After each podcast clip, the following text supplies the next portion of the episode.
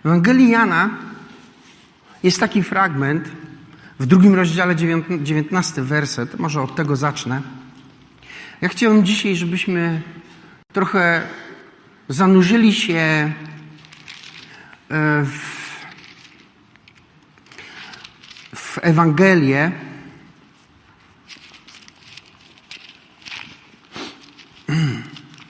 Ewangelia Jana 2,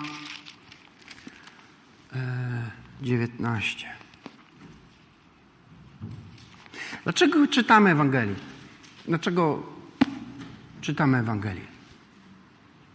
Dlatego, że widzicie, każdy z nas urodził się w jakiejś mm, rzeczywistości. Urodziłeś się w jakimś domu, ktoś cię wychował, e, ktoś ci coś nagadał, czegoś ci nie nagadał, ktoś cię w jakiś sposób uformował, a w jakiś sposób nie. I wychowałeś się w tej rzeczywistości, jakiejś tam, i to jest Twoja rzeczywistość. Tak uważasz, że wygląda życie. Więc ludzie, którzy wychowali się w domu, w którym byli skrzywdzeni, uważają, że tak wygląda życie. Życie to jest po prostu cierpienie i trzeba być twardym, bronić się, atakować i tak dalej. Nie? Ludzie, którzy wychowali się w, w domu, takiej szklarni, e, to są ludzie, którzy myślą inaczej o życiu. Oni myślą o życiu tak, życie jest piękne, ludzie są wspaniali, dają mi wszystko to, co chcę i mówią ciągle o mnie dobrze. Nie?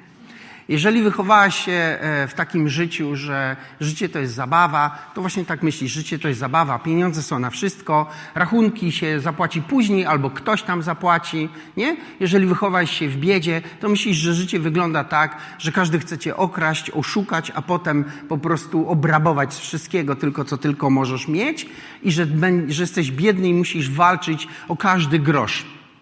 I każdy z Was wychował się w jakiejś rzeczywistości i Wy w nią wierzycie, że to jest prawda. Ci, którzy urodzili się chorzy, wierzą w to, że życie to cierpienie, choroba, lekarze, szpitale i sanatoria. Nie? Ci, którzy się wychowali zdrowi, wręcz odwrotnie, myślą, że wszyscy chorzy to hipochondrycy, którzy nie umieją, wiecie, zadbać o swoje życie, o dietę i takie inne tam rzeczy. Nie? Yy, i dlatego są chorzy, a tak naprawdę to, to jest ich wina. I każdy, a jeszcze do tego, wiecie, ideologia postmodernistyczna, w którą nie będę wchodził, bo po prostu już byśmy za daleko poszli w ten wstęp, e, to jeszcze nas namawia do tego, że każdy ma prawo do swojej prawdy, każdy ma prawo do tego, żeby patrzeć na życie po swojemu, więc każdy z nas, umocniony jeszcze filozoficznie, wierzy w to, że mam prawo tak myśleć. To jest mój kawałek świata i tak ten świat wygląda. Okej. Okay. Ale każdy świat, który byś sobie nie wymyślił, tak? Każdy świat, ten nawet twój, ten, w którym nie wiem, myślisz o tym, że będziesz, po prostu znałem jednego pastora, który wierzył w to, że będzie prezydentem. Nie? Ale znam też ludzi, którzy myślą ciągle, wiecie, że życie jest do kitu i trzeba się po prostu powiesić. Są te, naprawdę. I, I każdy z Was jakiś swój świat ma. Ale to, czego nie wiecie o tym, to jest to, że Twój świat to jest mały świat to jest świat Twoich własnych doświadczeń, który zawsze jest mniejszy niż całość. Amen?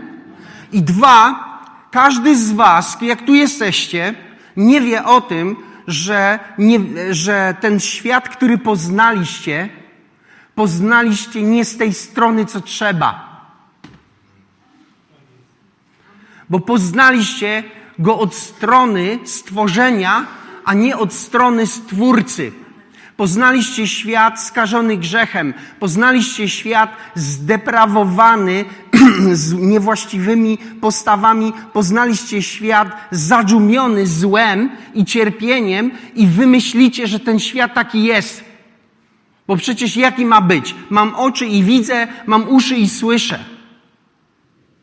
Ale to jest, ten, ten obraz jest obciążony wadą z tego powodu, że ty ten świat poznałeś po swojemu, ze swojej strony, przez filtry, którymi się patrzyłeś na ten świat i niestety ten świat poznałeś nie od tej strony, co trzeba. Wiecie dlaczego niestety? Dlatego, że ty, jeżeli wierzysz w ten twój świat, nigdy go nie zmienisz. Jedyna rzecz, którą będziesz mógł zrobić, to się do niego dopasować. Tylko tyle. Ale nigdy go nie zmienisz. Będziesz ciągle niewolnikiem swojego pudełka. Chyba, że spojrzysz na świat inaczej. Chyba, że odważysz się popatrzeć na świat z innej strony. W Ewangelii Jana, drugi rozdział, dziewiętnasty werset napisany jest tak.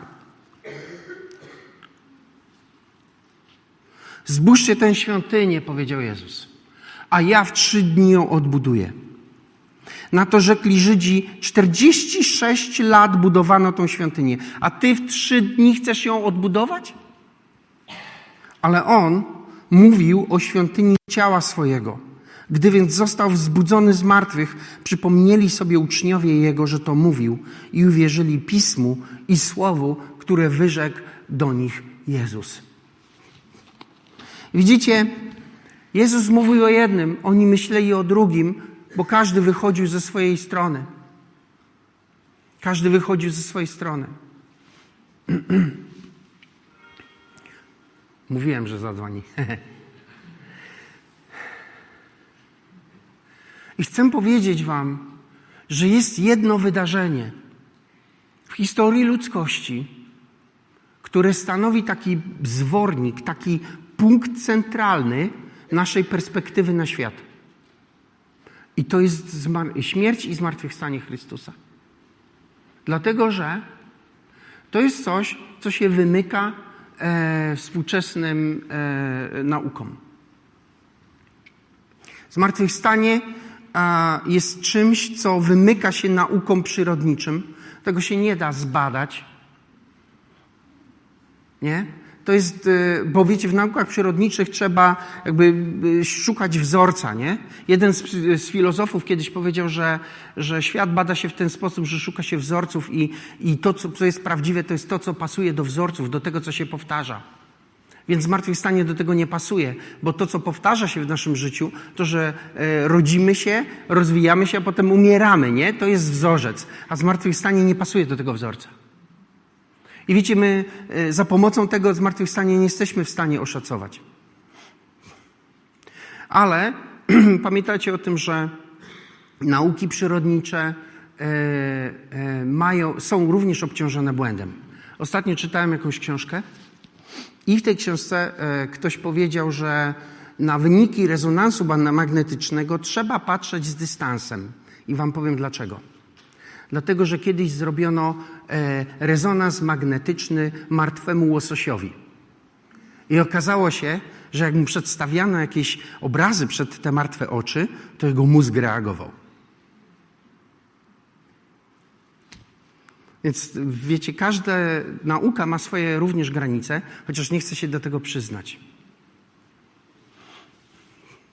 Więc zmartwychwstanie Chrystusa wymyka się e, nauce.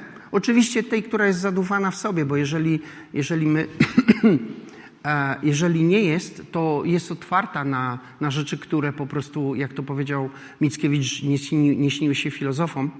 A niemniej, możemy sobie to może ubrać w ten sposób.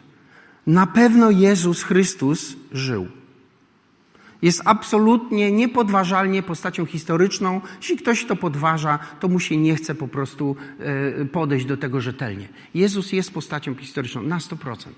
Nie ma wątpliwości co do tego żadnych. Na pewno Jezus Chrystus został skazany i umarł na krzyżu. Wszystko, co jest opisane o Jego śmierci na krzyżu, jest, zgadza się z historią i z dostępnymi badaniami archeologicznymi na, te, na tamte czasy. Wszystko się zgadza. Zgadza się.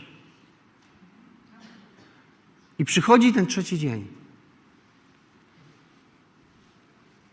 I wiecie, kiedyś, kiedyś więcej e, badałem to. Wiecie, jest coś ciekawego w tych wszystkich badaniach historycznych. Jest coś ciekawego w źródłach z pierwszego wieku, które mówią o Palestynie, o, e, o tamtym rejonie, które są dostępne. Jest coś bardzo ciekawego.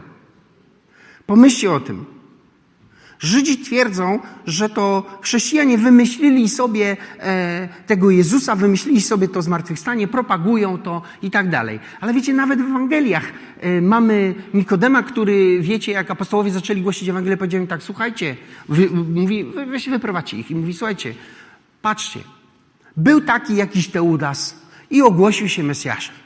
I wszyscy e, poszło za nim kilkaset, kilka tysięcy ludzi. Ale jak go zabiliśmy, Wszyscy się rozproszyli. Potem wystąpił taki Judasz, jakiś Juda, coś tam, i potem na pustyni wyprowadził ileś set osób. Jak jego zabiliśmy, też się wszyscy rozproszyli. I mówi: Uważajcie. Wiecie dlaczego? Bo schemat się przestał powtarzać. Bo Jezusa zabiliśmy, a oni nie chcą się rozproszyć. Uważajcie, dlatego że ten schemat nie działa tu. A to znaczy, że możemy walczyć z Bogiem. A to znaczy, że być może to jest z Boga to, co tutaj się dzieje. Wiecie, co jest niesamowite? Niesamowite jest to, że my, moi drodzy, w tym pierwszym wieku widzimy ciszę, przeraźliwą ciszę. Ludzie, którzy w tych czasach obserwowali Palestynę, siedzą cicho na temat zmartwychwstania Chrystusa. Nie mówią nic. Nie odzywają się. Piszą na mnóstwo różnych tematów i żeby było jasne. Pierwsze wieki to jest po prostu taki hałas w tekstach, mniej więcej jak dzisiaj internet. Masę. Ludzie piszą pamflety, ludzie piszą jakieś, e, e, e, jakieś no, zapomniałem nazwy, te, takie teksty podpisując takim znanym nazwiskiem. Tych, tych rzeczy, dla stąd te wszystkie, wiecie, Ewangelie, jakieś takie, no, niekanoniczne, te Tobiasza, coś tam, Judasza, Tomasza i tak dalej, bo one po prostu gdzieś powstają w tym wieku, bo jak ktoś chciał być sławny, to napisał Ewangelię, podpisał ją, a to jest Ewangelia według świętego, nie wiem, Bartłomieja, Bartłomiej był tam z granie i już lata tam gdzieś, wiecie, o, ciekawe, nie? I to, to są te czasy, tak to lata tam wszystko, tych papierów jest mnóstwo. naprawdę, piśmiennictwo w tym czasie naprawdę było bardzo takie aktywne. Więc nie wiem, czy rozumiecie. Piszą ludzie na mnóstwo różnych tematów, na ten, na ten, na ten, na ten. I jest cisza na temat martwychwstania. Cisza. Czy to nie jest dziwne? To jest dziwne. To jest dziwne. To tak jakby dzisiaj, nie wiem, wybuchła wojna na Ukrainie i cisza. Nikt się nie odzywa. Nie ma tematu. I chodzą ludzie, ich przybywa, ich jest coraz więcej, i więcej, i więcej, i więcej. I oni wszyscy mówią o Jezusie Chrystusie, mówią o Jego zmartwychwstaniu. Więcej, i więcej, i więcej, i więcej. I cisza. Co chcę powiedzieć i gdzieś ten wątek zamknąć? Zmartwychwstanie było tak silnym faktem, że nawet krytycy nie byli w stanie się, wiecie, wypowiedzieć, ani nie byli, nie byli gotowi z, z, zanegować tego, ponieważ było za dużo świadków. Bo było za dużo świadków tego, że Chrystus zmartwychwstał. Bo pamiętajcie o tym, że kiedy Jezus zmartwychwstał, to ukazał się e, kobietom, potem ukazał się wszystkim apostołom, a potem objawił się jeszcze pięciuset osobom naraz. Więc było naprawdę bardzo dużo ludzi, którzy widzieli zmartwychwstałego Chrystusa.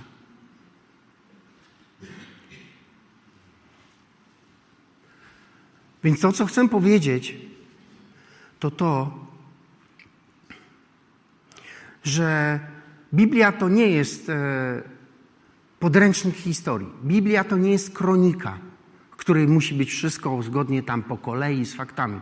Biblia to jest tekst, który ktoś napisał pod natchnieniem Ducha Świętego, ale on nie rządzi się wymogami e, kanonów, wiecie, historycznych, bo to jest inny gatunek literacki. Ewangelia to jest zupełnie inny gatunek tekstu. Ale nie ma żadnych dowodów na to, żadnych, żeby Biblia nie była wiarygodna. Biblia mówi to naprawdę, co się wydarzyło. Więc Biblia naprawdę mówi o tym, że Jezus umarł za nasze grzechy i trzeciego dnia zmartwychwstał. Biblia naprawdę o tym mówi. I to są prawdziwe, e, prawdziwe historie, które są tam podane. Wielkanoc to są trzy wydarzenia. To jest śmierć Chrystusa na krzyżu. To są trzy dni oczekiwania i to jest zmartwychwstanie. Śmierć Chrystusa na krzyżu to jest e, zwycięstwo nad grzechem. Słowo Boże mówi w liście do Hebrajczyków, drugi rozdział i czternasty werset, że skoro dzieci mają udział we krwi i w ciele, więc On miał również w nich udział, żeby przez śmierć zniszczyć tego, który miał władzę nad śmiercią, to jest diabła, i aby wyzwolić wszystkich tych, którzy z powodu lęku przed śmiercią przez całe życie byli w niewoli. Śmierć Chrystusa uwalnia nas od grzechów naszych, od tego, że jesteśmy e, zepsuci, że jesteśmy zdegenerowani, zdeformowani grzechem i my potrzebujemy czegoś, jakiegoś impulsu, który nas zmieni. I tego impulsu nie ma nigdzie indziej. Nie ma go w samopomocy, nie ma go w pracy nad sobą, bo wiecie, nie możesz poprawić tego, co jest, nie możesz, nie możesz naprawić czegoś przez poprawianie czegoś. Jeżeli coś jest zepsute, to jeżeli ty to będziesz tylko poprawiać, to dalej będzie zepsute, tylko mniej. My potrzebujemy czegoś poważniejszego, potrzebujemy poważnej zmiany. My potrzebujemy przyjąć, że Jezus umarł za nasze grzechy i nas uwolnił od czegoś, od dzieł diabelskich. Wiecie, my nie mamy tęsknić za śmiercią. My mamy się jej nie bać. Ja pamiętam, ja modliłem się przez 10 lat, żeby umrzeć, bo moi rodzice umarli. To był jedyny sposób, w jaki sobie radziłem ze stratą. I modliłem się o śmierć 10 lat. Ale na szczęście Bóg mnie nie wysłuchał. Uważam, że ci, którzy życzą sobie śmierci i próbują popełnić samobójstwo, to oczywiście rozumiem tą desperację, ale uważam, że to jest ucieczka i tak naprawdę duch śmierci stoi za tym i trzeba to łamać i niszczyć, dlatego że Bóg stworzył każdego człowieka z chęcią do życia. Amen? I wszystkie te autodestrukcyjne e, postawy nie pochodzą z Twojej natury. To nie jesteś Ty. Jeśli gdziekolwiek spotykasz to, że nie wiem, chcesz się ciąć, chcesz się powiesić, chcesz się rzucić pod auto, chcesz się. To chcę Ci powiedzieć, że to nie jesteś Ty. To nie jesteś Ty. To jest ktoś, kto Ciebie popycha do tego. Tam jest tam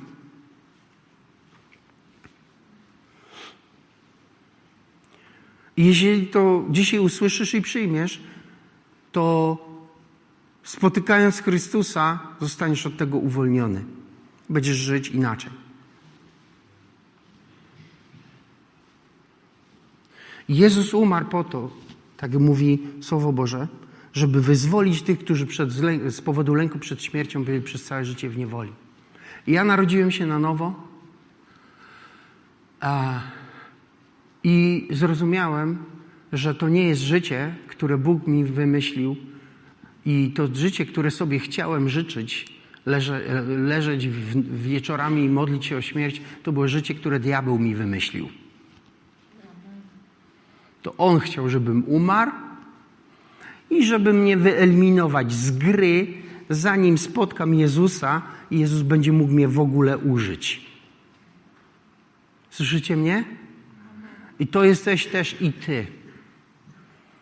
To jesteś też i ty. Jeżeli masz takie myśli, takie depresyjne, takie poniżające, takie popychające cię, nie wiem, do, do jakichś destrukcyjnych zachowań, to chcę powiedzieć ci, że to jest szatan, który chce cię wyeliminować, bo prawdopodobnie Pan Bóg włożył w ciebie coś, co mu się przyda i jeszcze pobłogosławi paru innych ludzi, a diabeł chce cię wyeliminować z gry.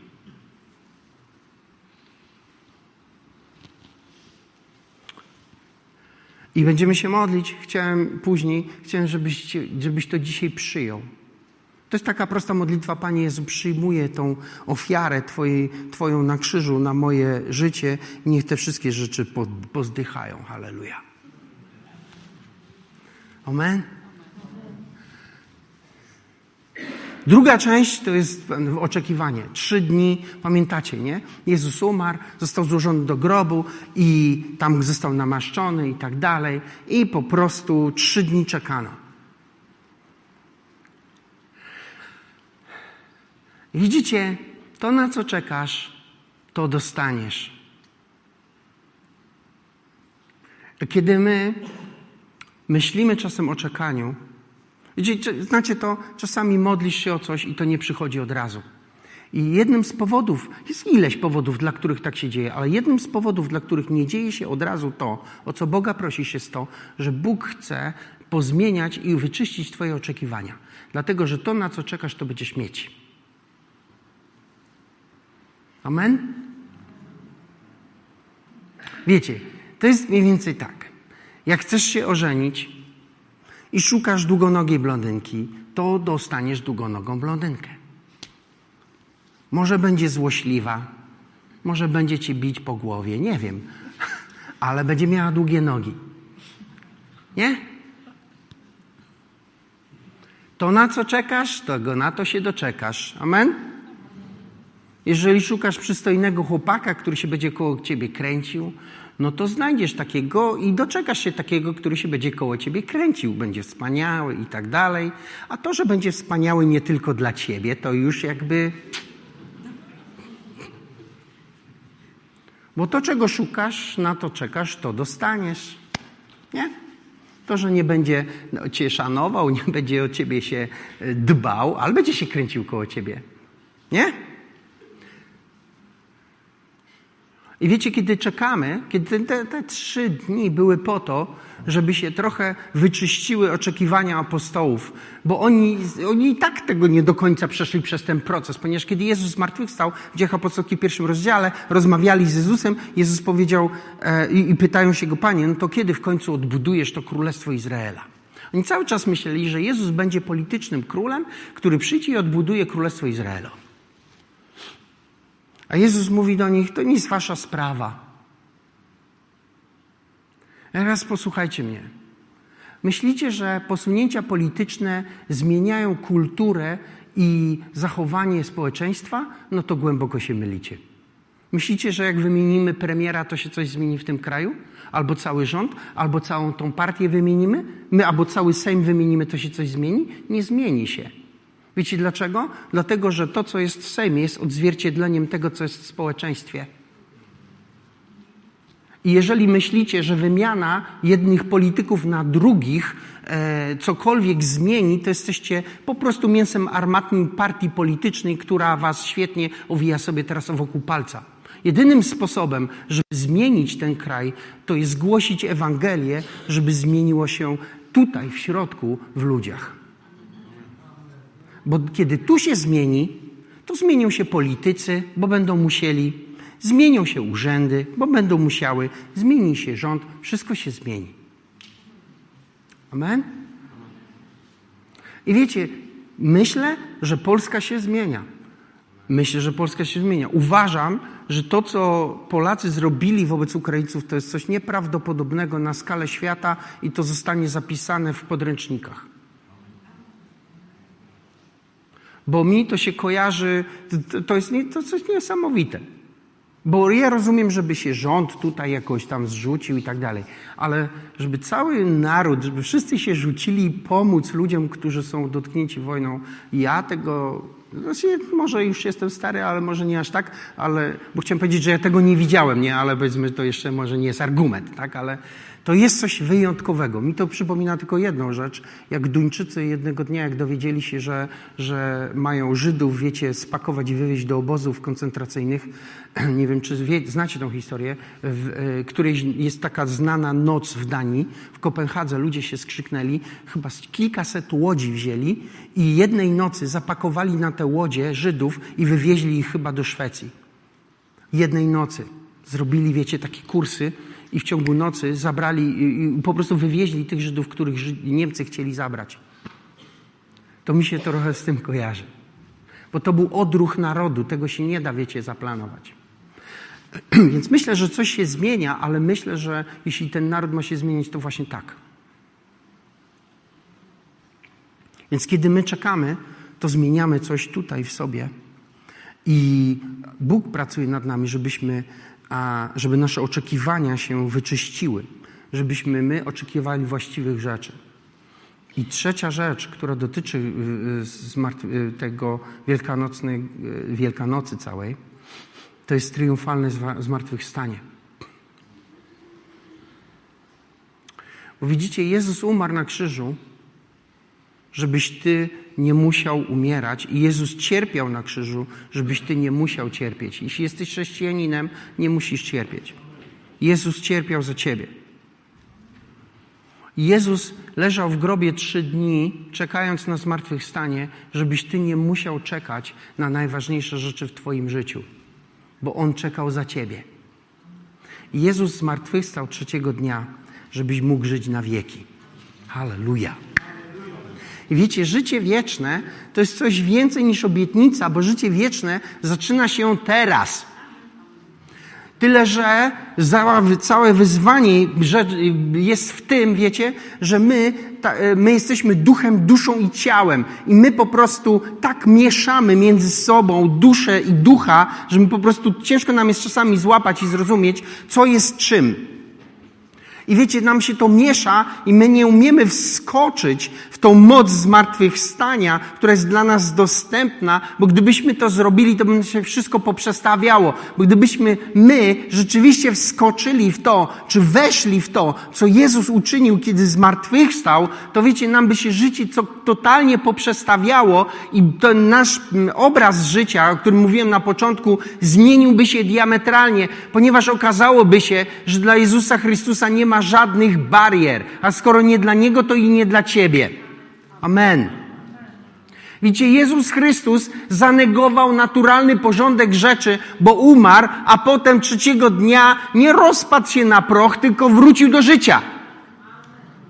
I Jezus Chrystus zanegował, wiecie, te naturalne procesy i powiedział, one przy mnie działają tylko wtedy, kiedy ja się godzę, a kiedy się nie godzę, nie działają.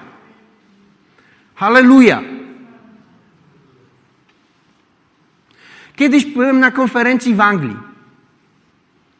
Siedziałem przy jednym stole z takim człowiekiem, który był misjonarzem w Afryce i rozmawiałem z nim o, o misjach i on opowiadał mi o znajomym swoim Koreańczyku, który jeździ na misję do Afryki. I ten Koreańczyk kiedyś opowiadał mu, że pojechał do takiego plemienia głosić Ewangelię, które było wrogie Ewangelii. Byli wrogo nastawieni. Ale udało mu się zgromadzić jakąś grupę ludzi, więc się spotkali i on zaczął głosić do nich Ewangelię. I w pewnym momencie na tą salę wszedł człowiek z kuszą i powiedział mu tak, jak y, ten tłumacz stał mu tłumaczy, co ten człowiek mówi, i on mówi do niego tak, jak tak dalej będziesz gadać o tym Jezusie, to strzelę w ciebie i cię zabiję. I on mówi tak, miałem do wyboru. Jeżeli zwieję z tej sceny, to moja Ewangelia jest nic nie warta. Jeżeli nie zwieje, to on strzeli. I wiecie co? Co byście zrobili? No. Fajnie się mówi, siedząc tam w tym krześle. Okej. Okay.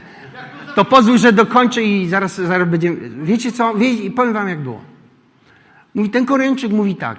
Pomyślałem sobie, Trudno, jak strzeli, to trudno, ale ja nie chcę się cofnąć, dlatego że ja wiem, po co ja tutaj przyjechałem. Przyjechałem z Ewangelią. I wiecie, co się stało? On mówi tak.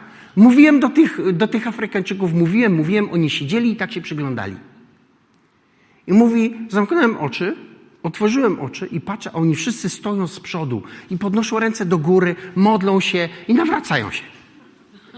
I on mówi, i tak się obrócił do tego e, tego tłumacza i mówi: Słuchaj, co się z nimi stało?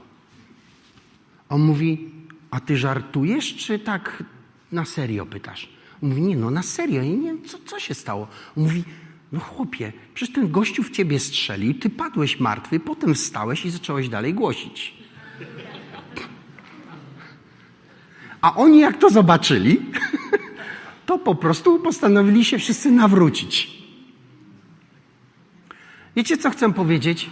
Chcę powiedzieć, że Jezus Chrystus przygotował dla ciebie i dla mnie nie tylko informację o tym, że On umarł i zmartwychwstał, nie tylko jakąś wiedzę, jak, że On umarł i zmartwychwstał, ale doświadczenie tego, że On umarł i zmartwychwstał.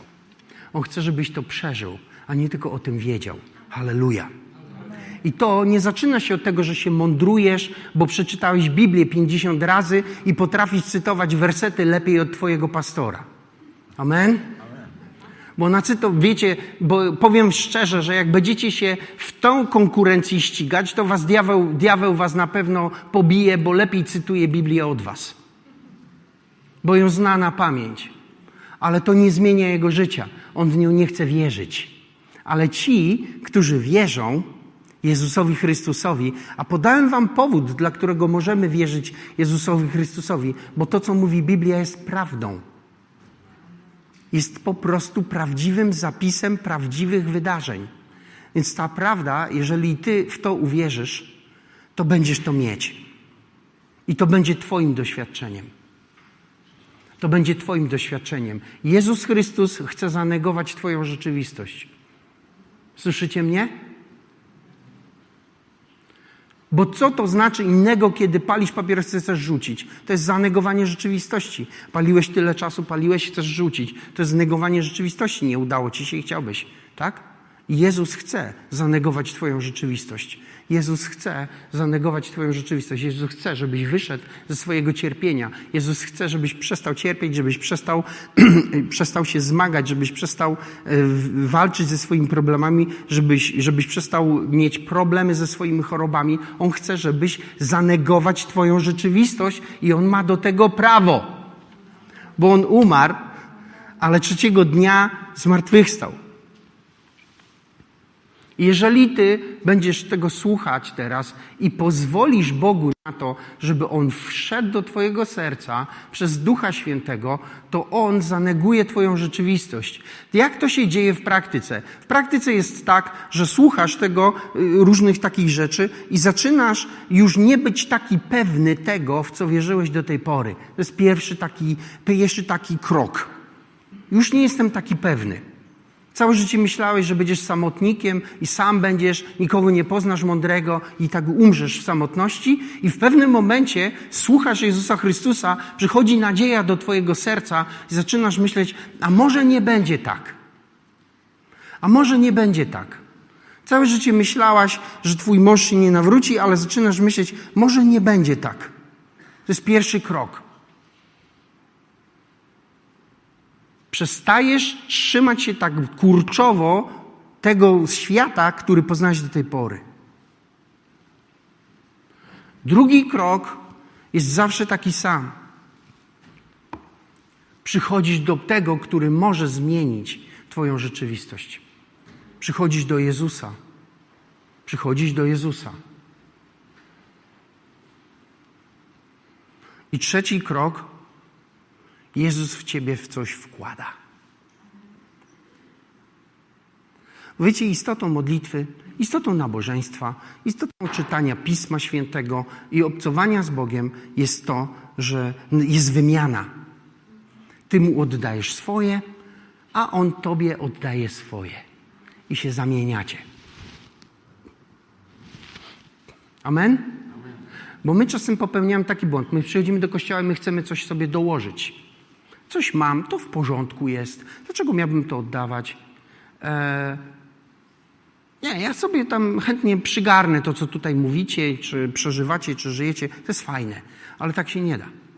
Dlatego, że to, co Bóg w ciebie wkłada, będzie żyło w konflikcie z tym, co miałeś do tej pory. Wiecie dlaczego? Dlatego, że to, co Bóg włoży w twoje życie, będzie doskonałe. Pozbawione braków. A to, co jest w tobie, jest, pozbaw- jest brak, wybrakowane i jakiś ma wady. I jeżeli ty nie zamienisz się, to będzie konflikt. Cały czas się będzie tutaj gdzieś zdarzać. Ale jeżeli się zamienisz, jeżeli oddasz Bogu jedno kawałek Twojego życia, a przyjmiesz od Boga inny kawałek życia, to Twoje życie stanie się negacją rzeczywistości.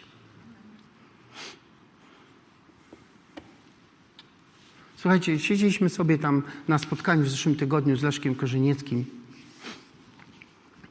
Coś zjechało na autyzm. Leszek wymienił z pamięci chyba sześć osób, które zostały uzdrowione z autyzmu w Polsce. Tak z głowy, mówiąc o jakichś tam. Hmm? Ja tak może boję się to powiedzieć, ale mam wrażenie, że jakby Bóg tutaj nas używa do tego, żeby ludzie byli uzdrawiani z raka. Jakby nie chcę tak tego ogłaszać, rozumiecie? nie jesteśmy kliniką, e, ale to się w tym kościele zdarza. I liczba osób, które tutaj stały za, e, tu, tu z przodu i mówiły o tym, że zostały uzdrowione z złośliwego raka, w tym kościele rośnie. Ale jednym z, jed, jed, tym pierwszym warunkiem jest to, że trzeba zanegować rzeczywistość. Nie możesz się godzić z tym, że tak już było, tak już jest, a ewentualnie nie wiem. To musi w tobie się coś odmienić.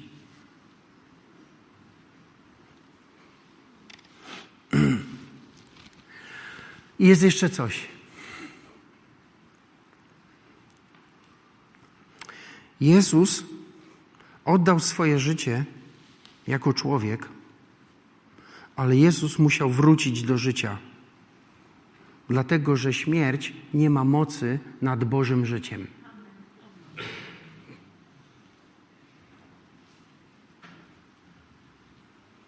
I wiecie, ty nie przyjąłeś Bożego życia, jeśli je przyjąłeś. Nie przyjąłeś Bożego życia tylko, żeby je mieć.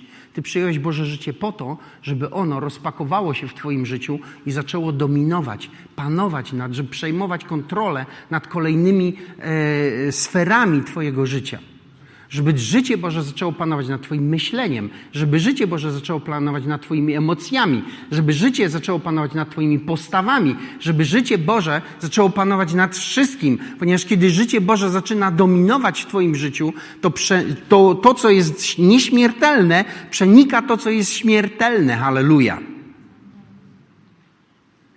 I wiecie, Henoch nie umarł tylko został żywcem wzięty do nieba. Słyszycie mnie? Eliasz nie umarł i został żywcem wzięty do nieba, więc jest to możliwe dla człowieka, żeby życie Boże tak go przeniknęło, żeby po prostu nie musiał doświadczać śmierci. Halleluja! Ja wiem, siedzicie tu, myślicie sobie, no tak szalejesz trochę, ja wiem, że jest Wielkanoc, pastorze, ale trochę przesadzasz tutaj. Ale wiecie, to też jest biblijne, bo tam do Pawła kiedyś powiedzieli, e, szalejesz Pawle i wielka twoja uczoność przywodzi cię do szaleństwa. Nie, to nie jest szaleństwo, bo to jest ten Paweł, którego, wiecie, o szaleństwo oskarżali, któremu się przyczepiła żmija do, do, do ręki i wszyscy, jak spojrzeli, co to za żmija i tak dalej, to już stwierdzili, o to krzyżyk, musiałeś coś narozrabiać człowieku, bo nie dość, że się zawalił nad tobą, pod tobą okręt, ledwo, że się wydłubałeś z tego okrętu, wyszedłeś na, na brzeg, cię żmija złapała. Sprawiedliwość Boża nie pozwala ci po prostu żyć. Ale wiecie co? Y, Paweł był przesiąknięty nie, nie wiecie, y, tym defetyzmem, takim, e, takim, y, no, jak to się nazywa, takim negatywizmem, tak, to wszystko będzie źle, potem będzie jeszcze gorzej, e, tnijmy się, umrzyjmy. To jest po prostu, to są demoniczne rzeczy. On był przesiąknięty Bożym życiem, więc strząsił, strząsnął tą żmiję do, do, do ognia. Ona tam w tym ogniu się usmażyła, może ją zjedli i nic mu nie było. Słyszycie? Nic mu nie było. Nic mu nie było. Więc wiecie, ci tam się z, od razu. Nie, to, to nie była kara Boża. On jest Bogiem. Trzeba go czcić teraz.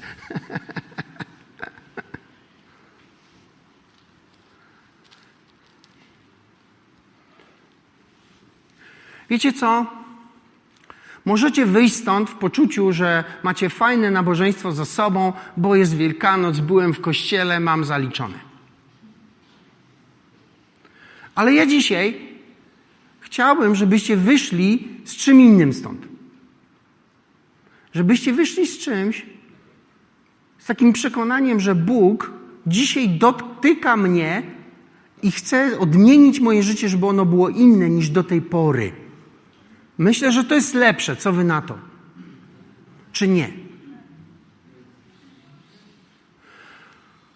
I wiecie, to się, tego się nie da nauczyć, to się przyjmuje. Ja bym to umiał nazwać, to bym powiedział coś takiego, że, że wiecie, kiedy Bóg ci coś daje, to musisz to przełknąć. To jest tak, jak wypisze ci lekarz e, receptę, proszę, proszę tam kupić takie i takie leki, tyle i tyle. Idziesz do, do apteki, kupujesz te leki, fajnie. Nie? Ale jest jeszcze jeden element kuracji. Nie wiem, czy wiecie. Jak już te leki masz na tej półce, musisz rozpakować, wydubać z tego foliki i połknąć. Dobrze myślę?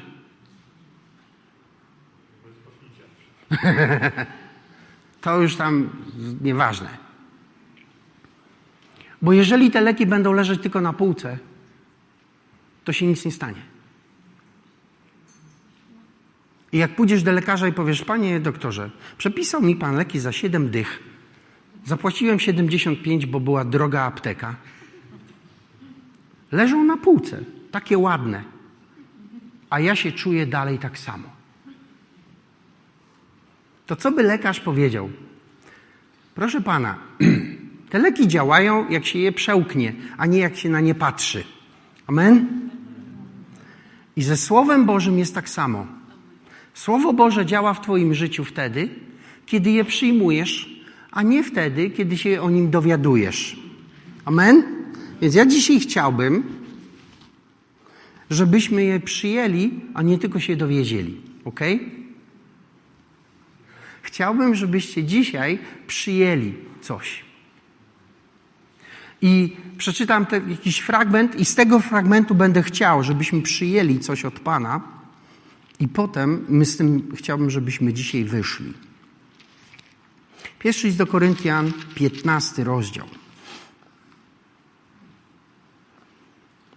E, tak? Myślę.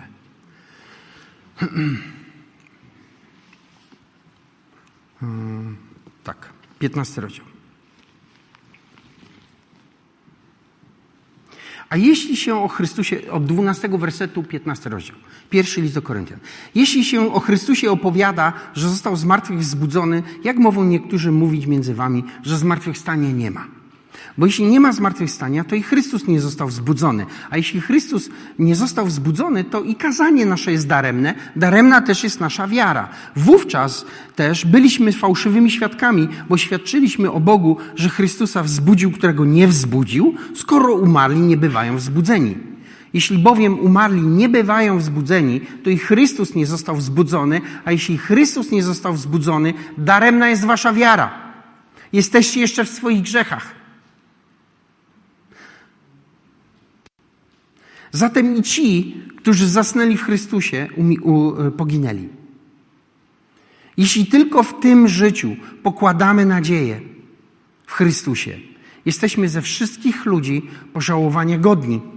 A jednak Chrystus został wzbudzony z martwych i jest pierwiastkiem tych, którzy zasnęli. Skoro bowiem przyszła przez człowieka śmierć, przez człowieka też przyszło, halleluja, zmartwychwstanie. I wiecie, to jest, to jest to, co święty Paweł powiedział tutaj w tym dziewiętnastym wersecie. To jest to, o czym przez chwilę mówiłem. Że jeżeli, jeżeli e, w Chrystusie, jeśli tylko w tym życiu pokładamy nadzieję w Chrystusie, jesteśmy ze wszystkich ludzi najbardziej pożałowania godni. Dlatego, że my, my chrześcijanie jesteśmy powołani do tego, żebyśmy mieli nadzieję w Chrystusie w tym życiu i nadzieję w Chrystusie w przyszłym życiu. Amen? I teraz uwaga, trik. Przyszłe życie nie zaczyna się po śmierci. Przyszłe życie nie zaczyna się, kiedy umierasz, wrzucają Twoje ciało do trumny, a Ty stajesz przed Bogiem. To nie jest początek Twojego przyszłego życia. Przyszłe życie, i to jest Ewangelia i dobra nowina, zaczyna się tutaj. Zaczyna się tu, w tym miejscu, kiedy Ty i ja przyjmujemy od Boga coś, co On nam daje, łykając to mniej więcej jak tabletki. Amen? I wiecie, dlatego, jeżeli nie przyjmujesz tego, e, tego przyszłego życia, to jesteś ze wszystkich ludzi najbardziej pożałowania godzien. Tak mówi Słowo Boże. I chrześcijaństwo, które polega tylko na tym, co, w jaki sposób Jezus może zarządzić tym, co do tej pory miałeś, to jest trochę pożałowania godne chrześcijaństwo. Jezus ma dla ciebie więcej. Jezus ma dla ciebie to, że przyszłe życie wkracza do twojego teraźniejszego życia.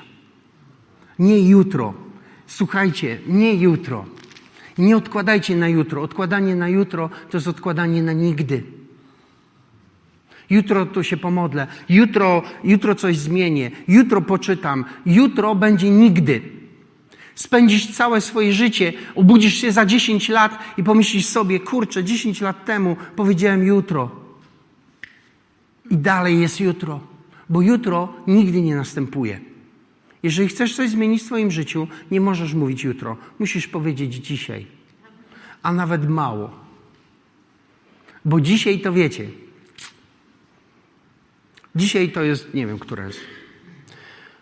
15 po pierwszej, to może być 20 po pierwszej, a 20 po pierwszej może być 25 po pierwszej i dzisiaj może się też przesuwać.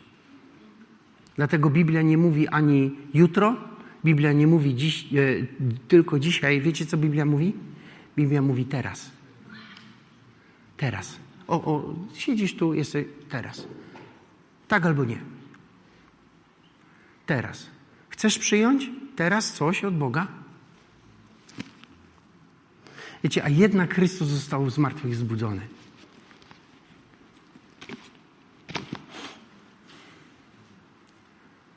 Człowiek, który narodził się na nowo, przyjął od Boga życie Boże. I życie Boże to jest. Wiecie, to jest Jego istnienie w Tobie, które powoduje, że nie możesz już umrzeć. Nie możesz już umrzeć. Może umrzeć Twoje ciało, ale nie Ty. Ty będziesz żyć już na wieki.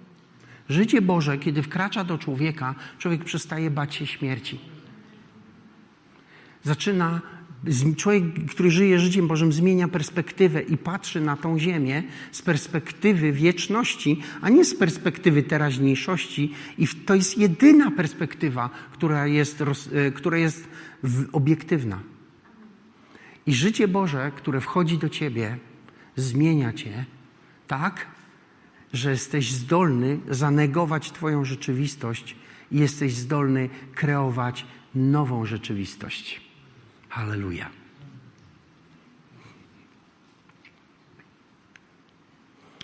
Ja wierzę w to, że życie Boże, które Bóg nam dał, jest po to nam dane, żebyśmy byli zbawieni, żebyśmy byli błogosławieni i żebyśmy my rozszerzali wpływy Królestwa Bożego. Żeby Królestwo Boże było większe, szersze, i żeby Królestwo Boże wpływało na ludzi wokół nas, bo Królestwo to ludzie, a nie systemy, i żeby Królestwo Boże, które wpływa na, na, na zewnątrz, na ludzi, zmieniało całą ziemię. I, i, I, myślę, że Bóg oczekuje.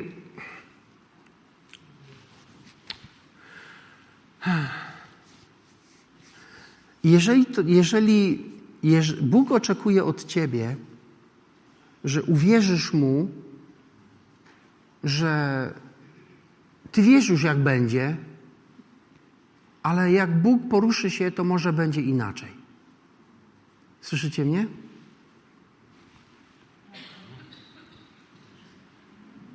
Co mam na myśli? Jestem chory, jest coraz gorzej, wiem jak będzie. Będę trwale uszkodzony albo umrę ale może Bóg się poruszy i będzie inaczej.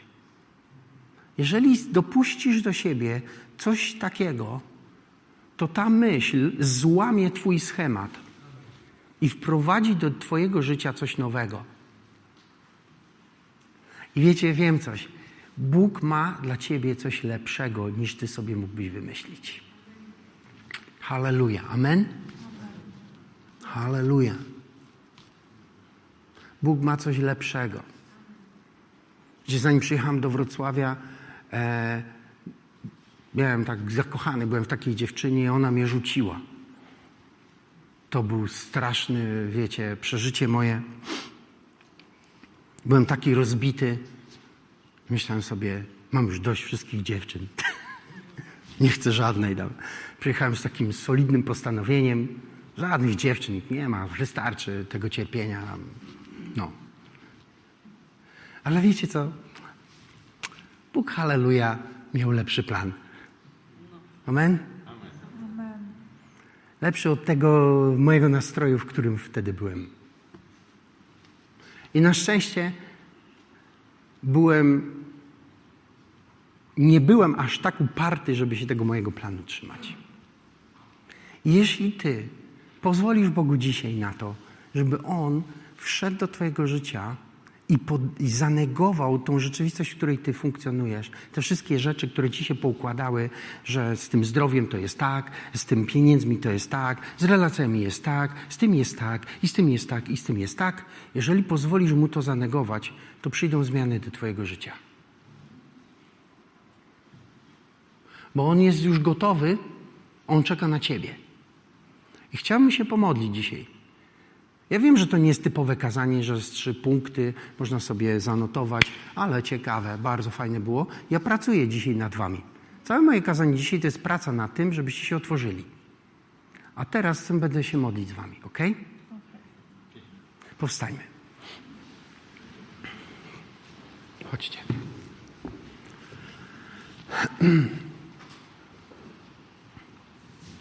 Można zacząć grać? Chciałbym, żebyśmy chwilę się pomodlili i poprosili Ducha Świętego, żeby Duch Święty do nas e, teraz przyszedł. I On będzie dzisiaj e, pukał do Twojego serca. W jakiś sposób. Albo przyjdzie jakaś myśl do Ciebie. Albo przyjdzie jakieś uczucie. Wiecie, nie wyobrażacie sobie, ile razy byłem już tak zdesperowany, że chciałem wszystko rzucić. Wracałem do domu i myślałem sobie, jak tutaj rzucić pastorowanie. To były moje, naprawdę, nie kłamie, to nie jest pod to kazanie.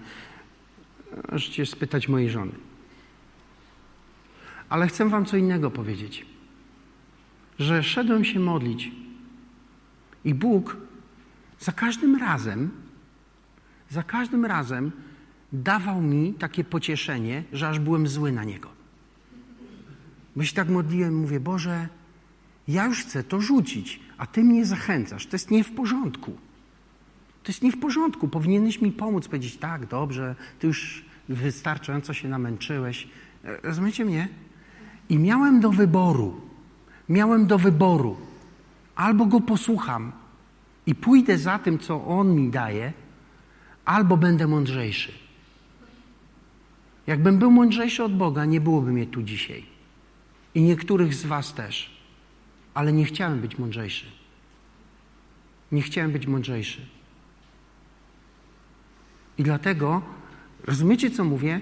Czasami Bóg pośle do ciebie coś, co zaneguje Twoje uczucia. Ty będziesz się czuć w jeden sposób, a Bóg będzie ci dawał inne uczucie, w drugi sposób. Przyjmij to. Przyjmij to. Czasem będziesz myślał w jeden sposób, a Duch Święty da ci inne myśli. Przyjmij to. Czasami Bóg podeśle ci jakiegoś człowieka, który będzie mówić do ciebie coś. Coś innego, dziwnego. No, nie zawsze Bóg mówi dziwne rzeczy, ale wie, wiecie, co próbuję powiedzieć. Przyjmij to. Słyszycie mnie? Przyjmij to. Bo jeśli to zrobisz, Duch Święty wejdzie do Twojego świata i go poprzestawia. Pomódlmy się chwilę. Panie, ja wierzę, że jesteś tu obecny. Że Twój Duch Święty jest tu obecny. Że Ty chciałeś, żebyśmy dzisiaj tak rozmawiali o Wielkanocy. Tak trochę nietypowo, trochę inaczej. Ale chciałeś tak. I dzisiaj modlimy się i otwieramy nasze serca na Ciebie. Halleluja. Halleluja, halleluja. Halleluja. Halleluja. Twoje słowo mówi: Zawsze na ciele swoim śmierć noszący, aby i życie Twoje się ujawniło. I ja dzisiaj w imieniu Jezusa Chrystusa modlę się o ten Kościół, żeby Twoje życie ujawniło się w tych, którzy dzisiaj się modlą.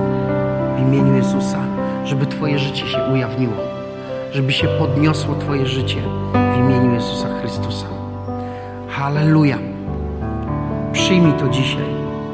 To Boże tchnienie, które przychodzi do Twojego wnętrza i ono przyjdzie jak ożywcze tchnienie od Boga i ujawni życie Boże, które w Tobie jest. I ono się podniesie. I Twoje i życie Boże, które jest w Twoim sercu, za, po prostu odezwie się i zacznie, cię, zacznie działać w Tobie i zacznie się odzywać. I Duch Święty będzie rozmawiał z Tobą o Twoim życiu i będzie chciał poprzestawiać w kilku miejscach. Jeśli Mu na to pozwolisz, Twoje życie się zmieni. A Bóg, który jest Bogiem Wszechmocnym, przełamie wszystkie bariery i wszystkie rzeczy, które uważałeś za niemożliwe. Halleluja. Halleluja. Dlatego, że nie ma rzeczy niemożliwych dla Boga. Nigdy nie było. Nie ma niemożliwych rzeczy dla Boga. Wszystko jest możliwe dla tego, który wierzy.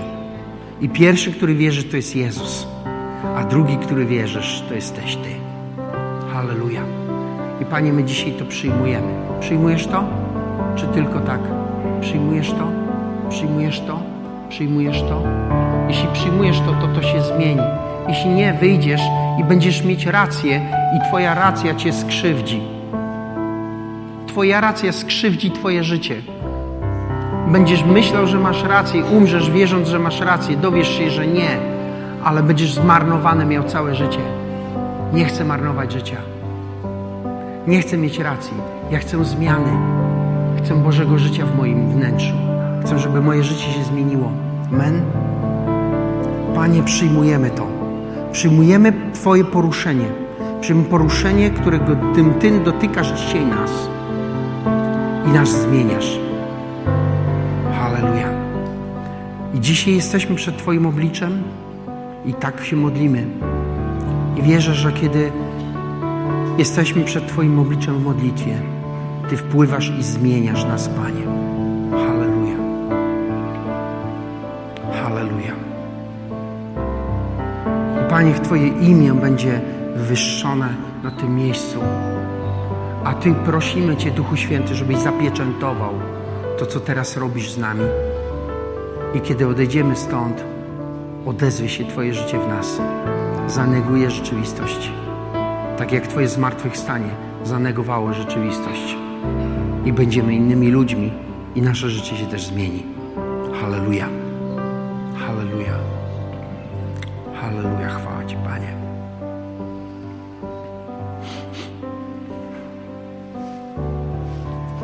Uwielbiam.